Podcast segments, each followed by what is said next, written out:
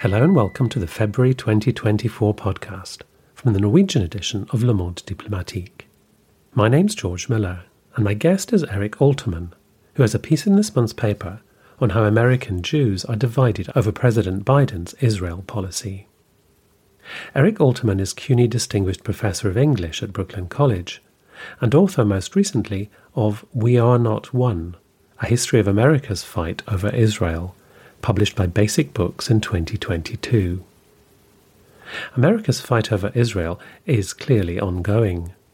Biden has positioned himself as Israel's best friend in the fight, and in doing so is out of step with two thirds of Americans who back a ceasefire. 70% of voters under 24 say they disapprove of Biden's handling of the war, and a significant number of Jews are in this camp too, Eric writes, especially young ones. Nor has Biden's support secured influence over Netanyahu, who once described the US as a thing that can be easily moved, moved in the right direction. They will not bother us, he said. Biden's support for Israel could exact a political price come November.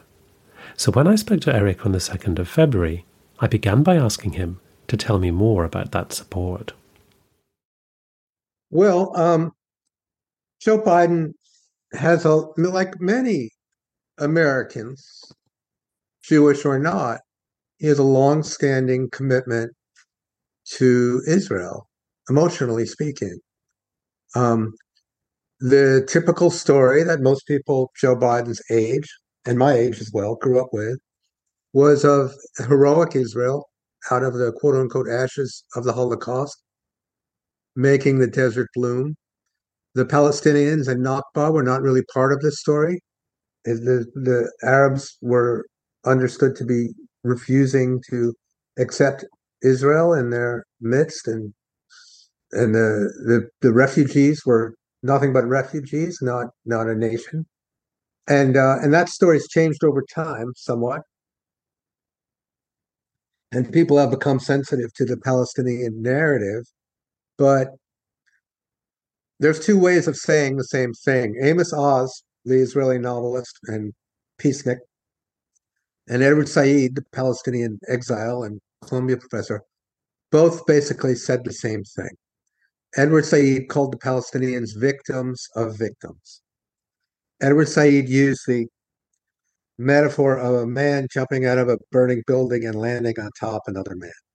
Now, in the American discourse, the Israeli victimhood, the Jewish victimhood of the Holocaust has always taken precedence.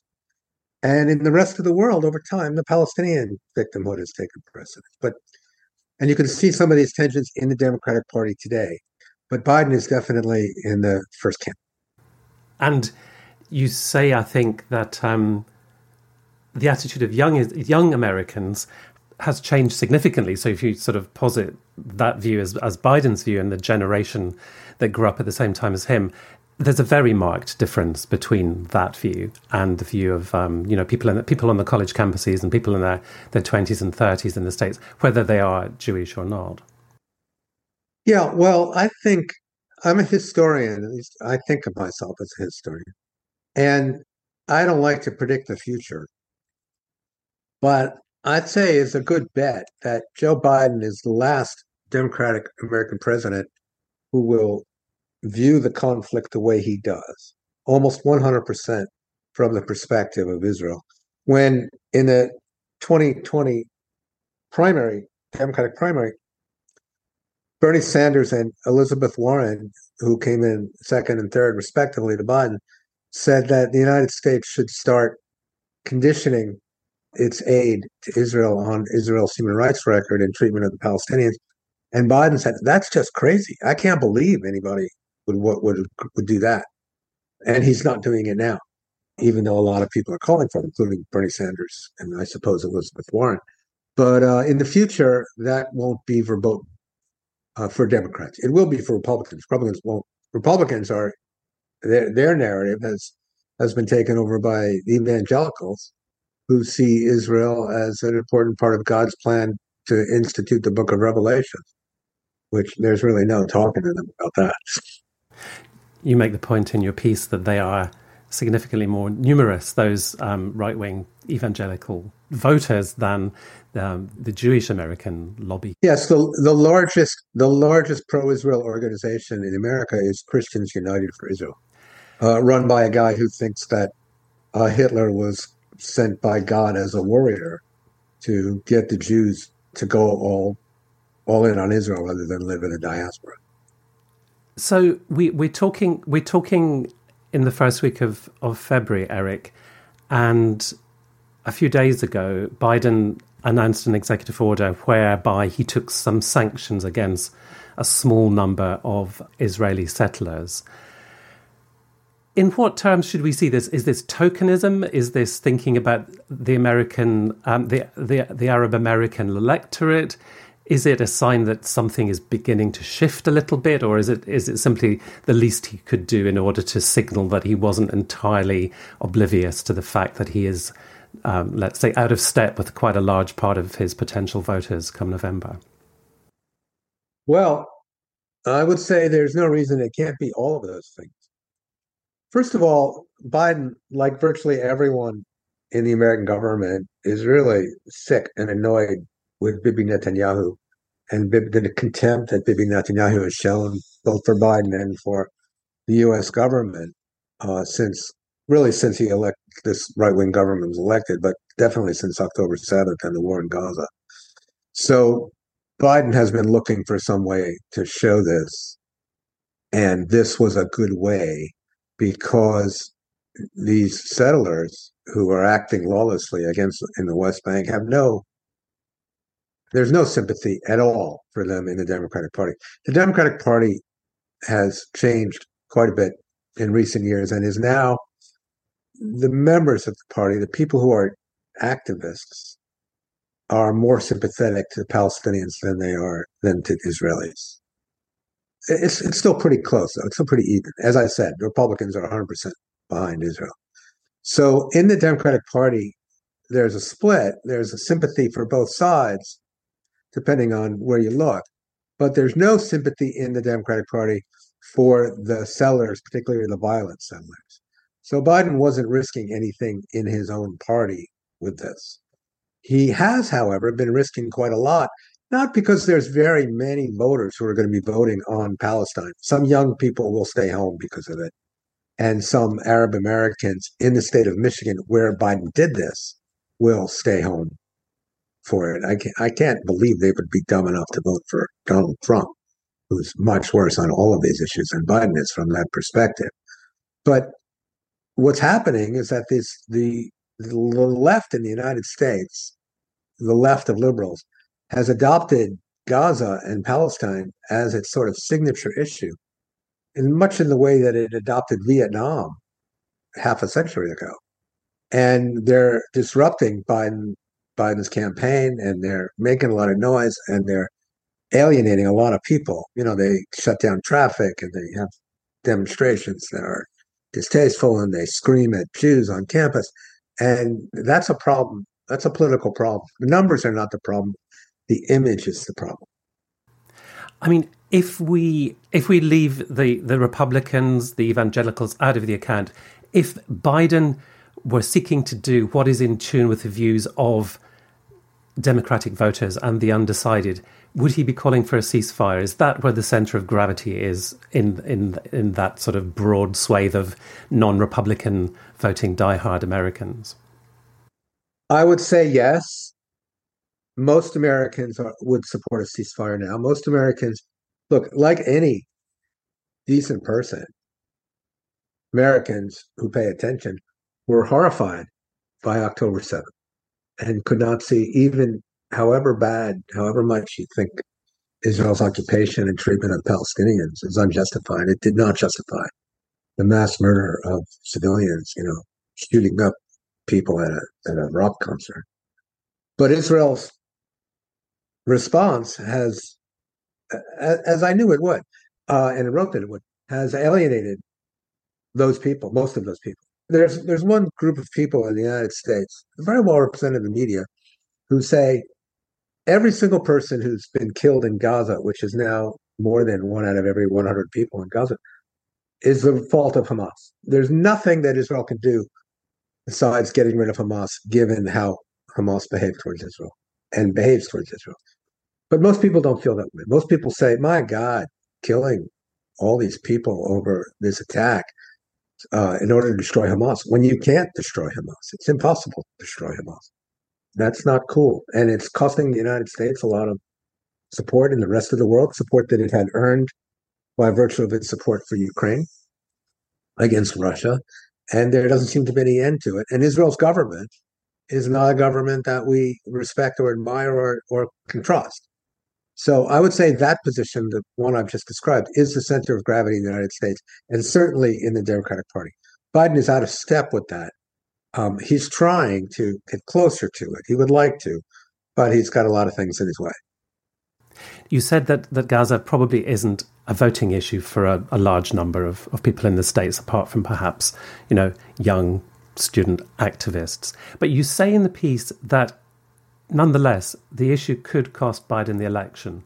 So is that just because the way that this election is so finely balanced and so hard to call that if Biden loses even a small number of votes to you know to abstentions, it could just be enough to to tip the balance in what is what is, what is already a very difficult um, a difficult fight. Well, Biden already has a problem with third party candidates taking away from the anti Trump vote. But in order to win the election, Biden needs Trump to be his opponent. And he needs the election to be about Trump, not about Biden.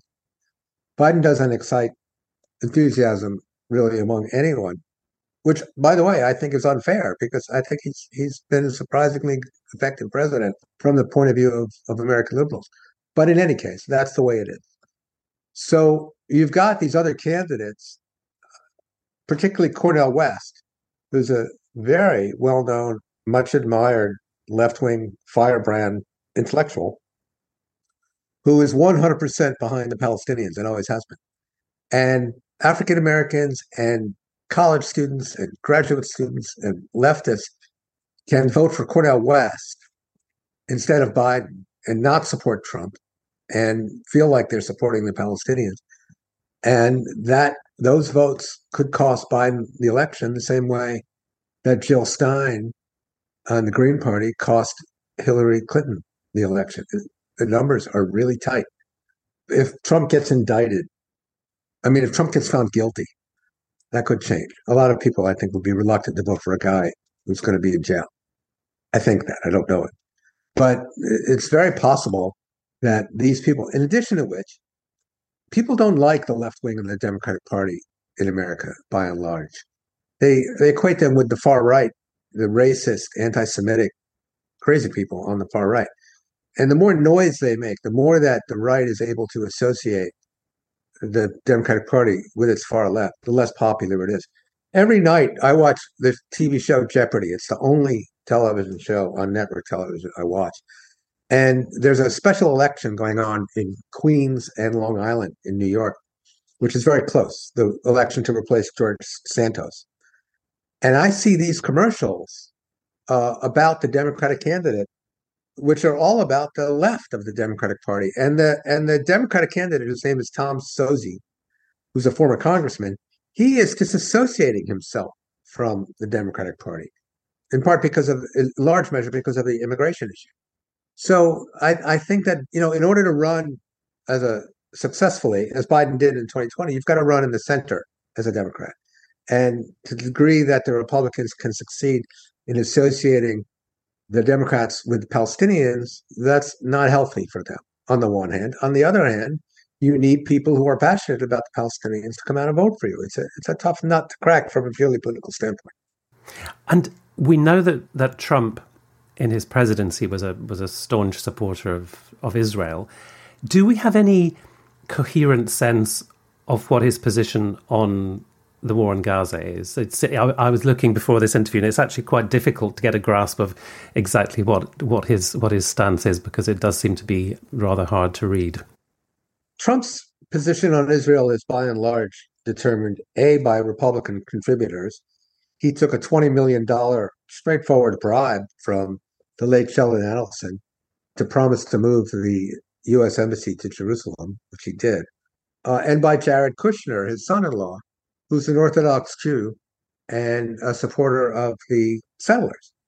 So Trump would never have done what Biden did yesterday in terms of sanctioning settlers. And he'll basically do whatever Israel wants.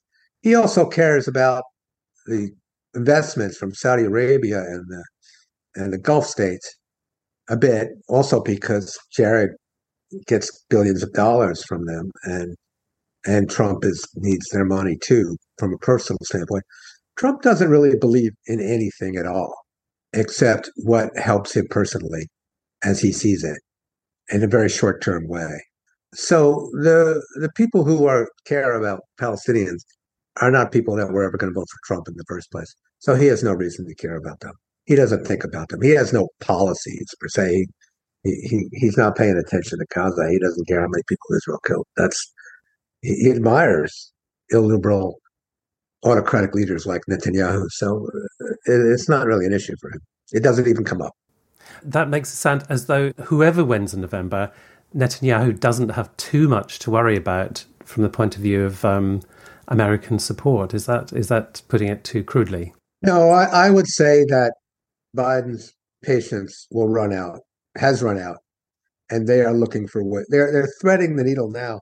I haven't spoken yet about AIPAC and how much money it raises and how much money it plans to spend in support of the most extreme pro-Israel candidates, and that's a factor that Biden has to keep in mind. You know, they're funding Republicans now, at least as much as they're funding Democrats. They're only funding Democrats to defeat left-wing Democrats. So in between now and the election, Biden has this very narrow thread with regard to Netanyahu. I'm sure that Biden would love it if the Israelis would take out Netanyahu for him and elect a different government. He was very happy with the previous government, which was very right wing and very tough on the Palestinians, but it wasn't Netanyahu uh, and didn't have this extremist group in the government. So hopefully, by the next time we have uh, the next election, the Israelis will have a new government and Netanyahu will be out.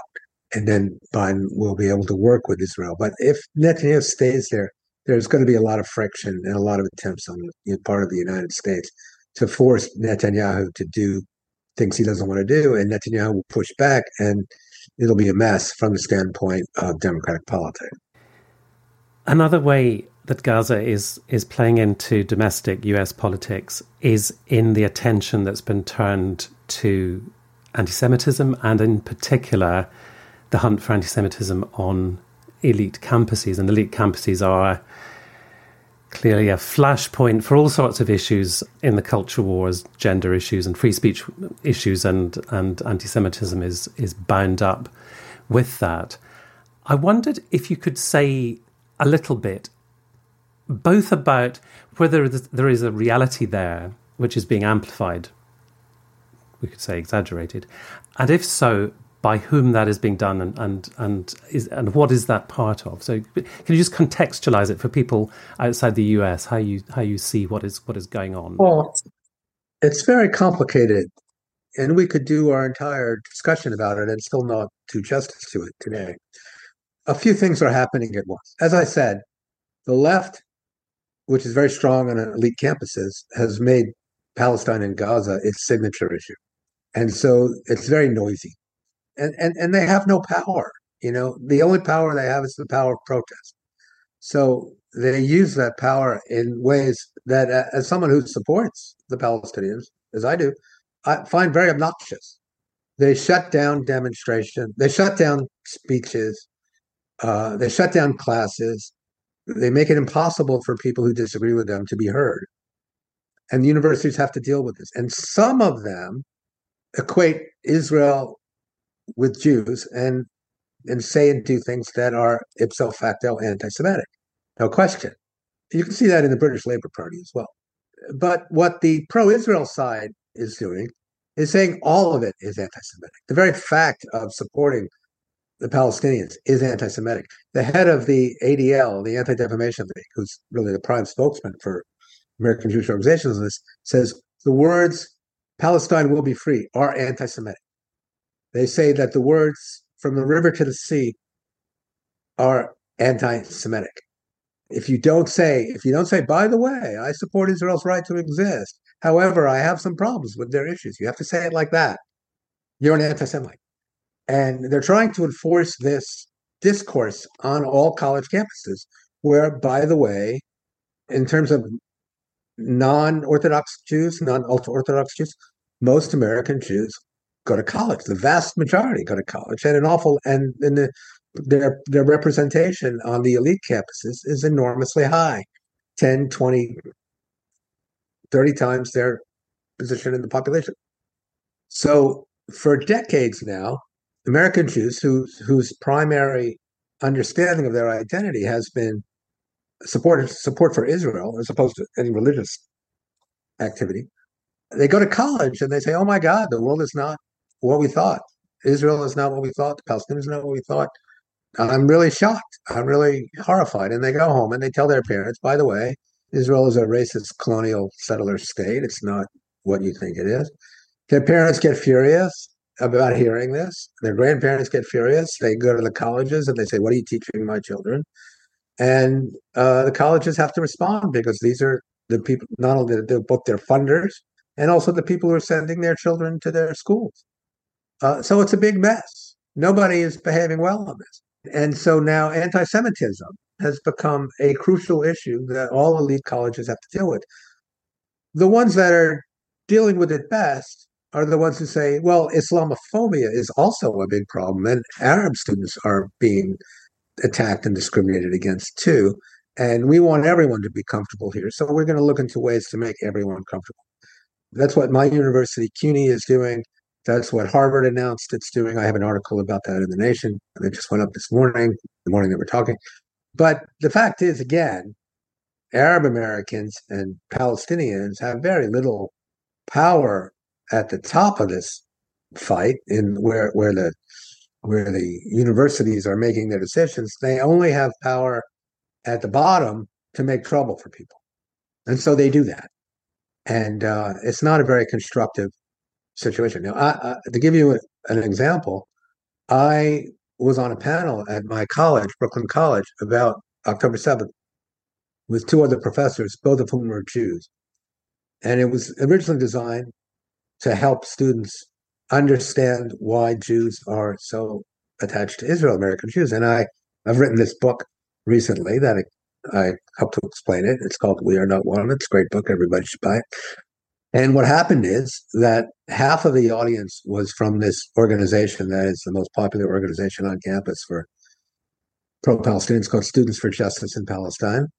They, after the thing began, they stood up, they read a statement denouncing the panel for not representing their views. They hadn't heard the views of the panel. Then they all left en masse and chanted the names of Palestinians who had been killed in Gaza outside the room until the campus security came and broke it up after a while so that we couldn't be heard. I've had other experiences that are similar to this in terms of my views, which are not 100% consistent with their views when I speak on campuses. It doesn't help anyone. It's an emotional expression, which I understand and I get, and maybe I, you know, would have been sympathetic to it when I was in college. But it's very, it's a very ugly situation, and nobody really knows what to do about it and and I'm focusing now on the students for justice in Palestine, but I could say the same thing about a lot of the pro-Israel funders of places of these schools who give hundreds of millions of dollars and feel that their money should determine what is taught on campus, which is absolutely outrageous and contrary to the whole idea of higher education and needs to be fought. I was going to ask you, Eric, if if this situation was having a chilling effect on debate, but it doesn't. What you've described doesn't sound like a chilling effect. It sounds like a, a polarizing effect, an intensifying effect. Well, that's true, but it is it is chilling. I have tenure. I can say whatever I want, but for young scholars, they have to be very careful about what they say because anyone can can put the kibosh on your advancement, and jobs are very hard to find. If I were a young scholar, you and I would not be having this conversation. I'm an old man. See the gray? Um, you can't see it. It's there so the, there is there is the right making this equation between support for Palestine and Palestinians' rights with anti-Semitism and with terrorism. Do you think that is cutting through and, and having influence? Because you make the point in the piece that violent anti Semitism is actually exclusively the preserve of the right, but is this rather relentless barrage from the right equating you know, people on the left on campuses, some of whom, as you say, may behave in ways that are not actually helping their cause. But it, do you think it's having an effect in the um, in public perceptions more widely? Well, the American press, the conservative press, which is almost half the press now, the Murdoch led press, is 100% on Israel's side and always treats Palestinians as if they're terrorists. All of them are terrorists, particularly in Gaza, where Hamas is in power. The mainstream American press is addicted to both sides of them. So anytime they, anytime the settlers attack Palestinian or Israel bombs civilians, they say, but on the other hand, Palestinians did this terrible thing. And of course, it's not it's not at all proportionate. Israel doesn't want it to be proportionate. They have a doctrine of disproportionate response but it's treated as if it's the same thing. And it's the same thing. The organizations that raise money from American Jews and other organizations, they a lot of their money is conservative money.